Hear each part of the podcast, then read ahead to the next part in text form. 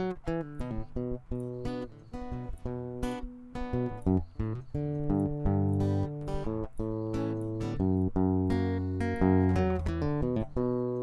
alle sammen, og velkommen til en ny episode av podkasten til Vekstra Sør, regnskapskontoret i Kristiansand.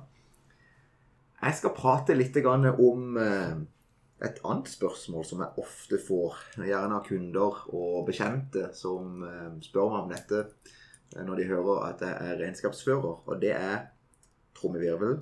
Skal jeg ha ENK, eller bør jeg ha AS? Det finnes vel ikke én regnskapsfører i Norges land som ikke har fått eh, det spørsmålet. Det er for øvrig veldig populært å få eh, på, eh, på Fors før du skal ut på byen blant yngre mennesker som skal starte for seg sjøl. Veldig gøy. Faktisk ganske gøy å diskutere. Um, og det er fordeler og ulemper med, med, begge deler. Hvis du er veldig interessert i dette, uh, så finnes det tusenvis av artikler på nettet som går veldig, veldig, eh, veldig, veldig grundig gjennom dette. Og, eh, og det er ingenting Jeg syns ikke det er noe å lure på, men jeg kan gi mitt perspektiv på det. Eh, og det er som følger Å starte et enkeltpersonsforetak, det er himla enkelt. Altså Det tar meg nesten lengre tid å lage middag enn å lage et enkeltpersonsforetak eh, satt på spissen. Det tror jeg faktisk det gjør, for jeg er ikke så sykt god til å lage mat. Um, så et enkeltpersonsforetak det er veldig enkelt å komme i gang med. Og det vil jo være en fordel for mange. Spesielt siden i en oppstartsfase så er mange opptatt av å redusere kostnader. Med god grunn. Fordi de fleste starter ikke bedrifter med, med store mengder eh, kapital og, og, og, så videre og så videre. Mange prosjekter begynner med en, en god idé og lite penger i banken og stå-på-vilje. Og sånn er det. Og det er veldig fint.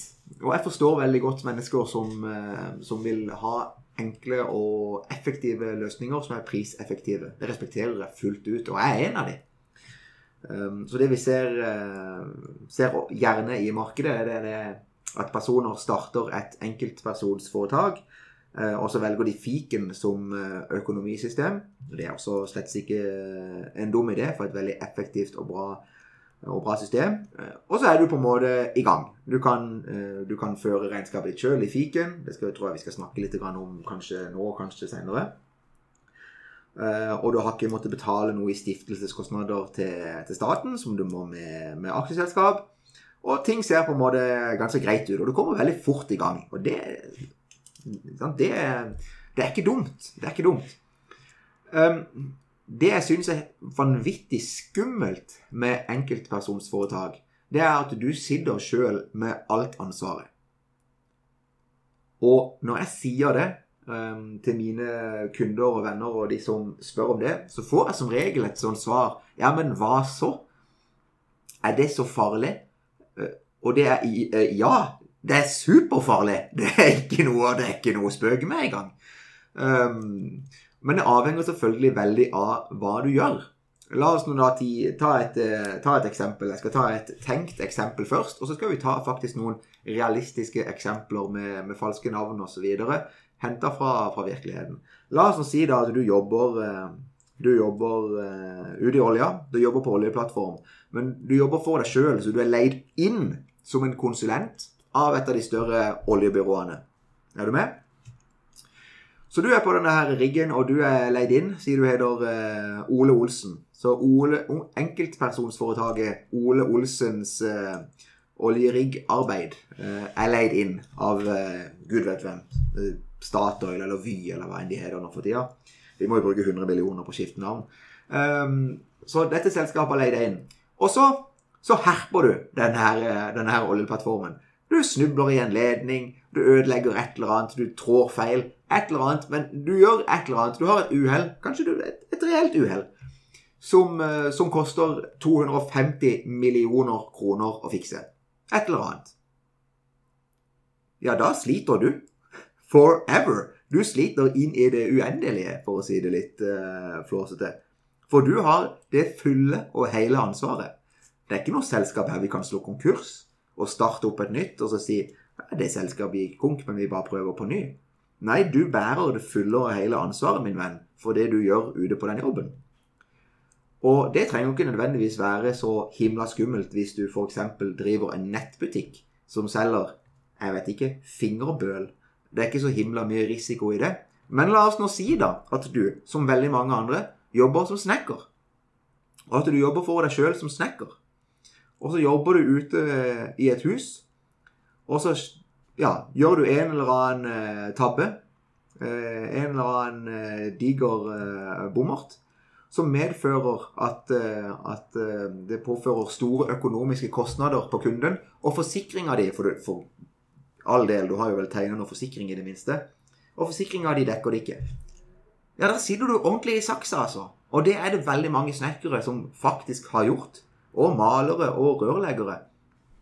Det er veldig viktig i det tilfellet der eh, å ha forsikringer på plass. Men la oss si da at én eh, forsikringer ikke dekker det eller at du har to vært så uvøren at du ikke har handla de forsikringene eh, du burde ha, ja, da er det faktisk du, privatpersonen eh, Ole Olsen, som er ansvarlig for det som skjedde på den jobben.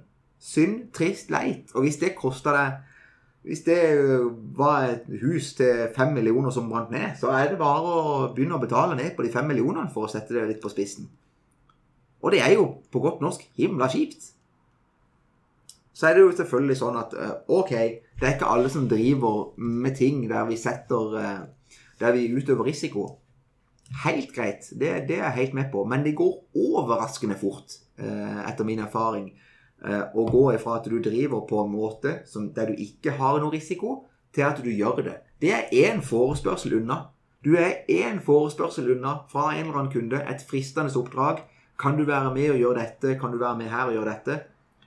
Og fram til det tidspunktet der så har du drevet med en forretningsmodell der ikke du har noe risiko. La oss si da at du uh, importerer og selger et eller annet. Og så blir du invitert med på et prosjekt som har noe i den gata å gjøre, men der det er risiko involvert. Sett at du importerer malerkoster der, og så spør noen deg om du kan være med og male, f.eks. Altså et, et, eller annet. Hva vet jeg. Nå bruker jeg dumme eksempler, men jeg forstår poenget. Det viktigste er ikke eksemplene, det viktigste er poenget. At det går veldig fort ifra det stedet der du ikke har noe risiko til at du har sagt ja til et oppdrag, og det oppdraget der innebærer en risiko, og så gikk det galt. Og det er det mange som har brent seg på, som sagt. Eh, og det er årsaken til at eh, Ja. At jeg ikke er noen stor, eh, er ikke noen stor forkjemper for at mennesker skal starte opp enkeltpersonsforetak hvis de skal drive ordentlige bedrifter. Det er en årsak til at alle de ordentlige bedriftene i Norge, altså ordentlige, sier jeg med litt flåsete anførselstegn her jeg sitter, er AS. Det er ikke det er ikke Statoil eller uh, hva enn det heter, Equinor. er ikke et enkeltpersonsforetak. Telenor er ikke et enkeltpersonsforetak, ikke vel? Altså Choice Hotels det, det er aksjeselskap alt, og det er god grunn til det.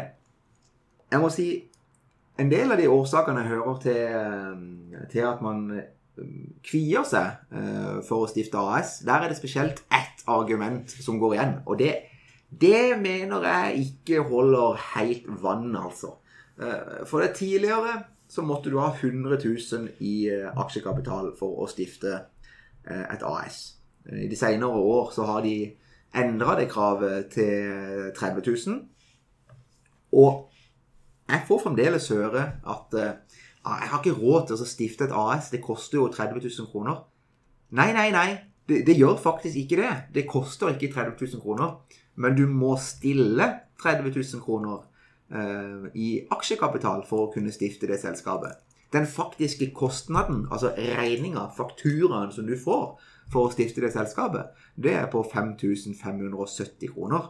Det er det det koster. Og det, de 5570 de betaler aksjeselskapet med de 30 000 som du satte inn på konto. Som betyr at du sitter igjen med sånn ca. 24 000 kroner igjen på konto.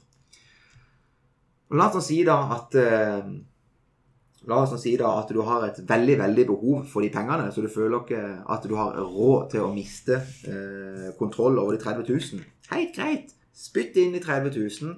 Betal gebyret på 5570 eh, for å få en stiftelse. Og så får du kjøre ei lønnskjøring da, for å få tilbake eh, de 24 000, eksklusiv skattetrekket.